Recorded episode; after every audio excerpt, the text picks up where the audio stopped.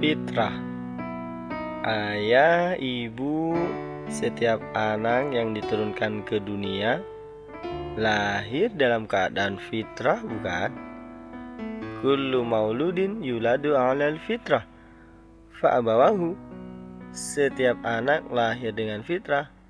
Bergantung orang tuanya bagaimana ia dibentuk Karena anak lahir dengan fitrah Bukankah berarti tak satu pun anak ketika lahir berniat menghancurkan masa depannya? Tak ada satupun bayi ketika lahir berniat di kepalanya. Ah, jika besar nanti aku mau kena narkoba. Ah, jika besar nanti aku akan hobi tawuran atau kebut-kebutan? Atau pernahkah ia berkata, "Jika besar nanti aku akan mencuri uang orang tua"? Ah, jika besar nanti aku mau membangkang kepada ayah ibunda. Adakah anak yang berniat begitu, ayah bunda? Bukankah berarti setiap anak yang diturunkan Allah ke dunia justru pada awalnya cenderung pada kebaikan? Tetapi mengapa sebagian anak ini yang lahir cantik, rupawan, lucu dan menggemaskan setelah ia beranjak remaja dan dewasa justru menjadi beban keluarga? Dan menjadi masalah untuk lingkungannya. Ada apa ini?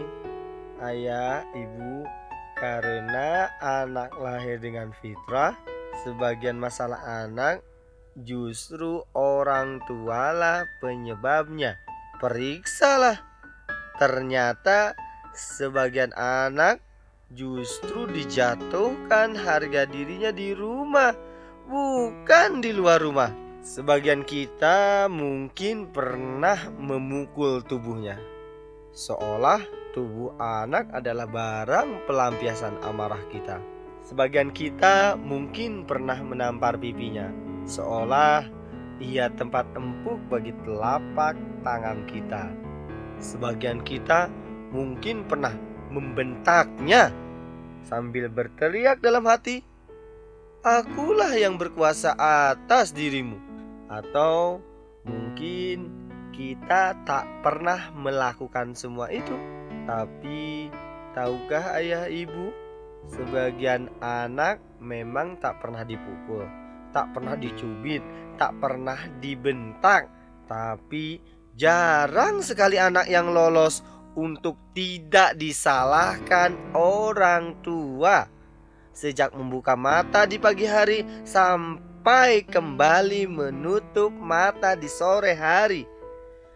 Ayah, ibu, karena sebagian anak jatuh harga dirinya di rumah tanpa kita sadari, ada sebagian anak yang tak betah berada di samping orang tuanya. Panas hatinya jika mendengar ceramah-ceramah orang tuanya dan overdosis nasihat yang ia terima. Lalu kapan kita mendengarkan anak ayah ibu? Ketika seorang kakak hendak mengambil mainan miliknya yang diambil adiknya, kita dengan kekuatan kehakiman yang kita miliki dengan gagah berkata, "Kakak, mengalah dong sama adik. Lihatlah pertunjukan ini, ayah." Lihatlah, ketidakadilan ternyata dimulai dari rumah. Lihatlah, kebenaran ternyata ditentukan oleh faktor usia. Lalu kita berdalil, adiknya kan masih kecil. Dalam hati, si kakak berkata, "Sampai kapan adik akan dibela? Kapankah aku meminta lebih dulu dilahirkan ke dunia?" Sungguh tak enak jadi seorang kakak karena ketidakadilan dimulai dari rumah. Di tempat lain, sebagian adik pun berkata hal yang sama. Sungguh, Aku pun tak suka jadi seorang adik. Ketika ayah dan ibu tak ada, aku sering dikerjain kakak. Ayah, ibu, karena sebagian anak dijatuhkan harga dirinya di rumah, sebagian anak akhirnya tak betah berada di rumah. Rumah baginya hanyalah tempat tidur sementara. Ia lalu mencari harga diri, berkelana mencari surga, mencari orang-orang yang akan menghargai dirinya. Wah, ternyata teman-teman gengnya bisa menghargainya. Lalu dalam hati ia berkata, Hmm, ternyata aku dihargai jika aku pamer perkasa. Aku ternyata perkasa jika mengisap ganja. Aku gembira jika bisa menyusahkan siapa saja. Apakah itu yang kita inginkan ayah ibu? Jika tidak, hormatilah jiwa anak-anak kita. Bukan sekadar uang, jajanan, mainan, dan sekolah mahal semata. Itu semua penting, tapi perkataan dan perlakuan penuh cinta dari Anda adalah warisan terindah untuk masa depan mereka.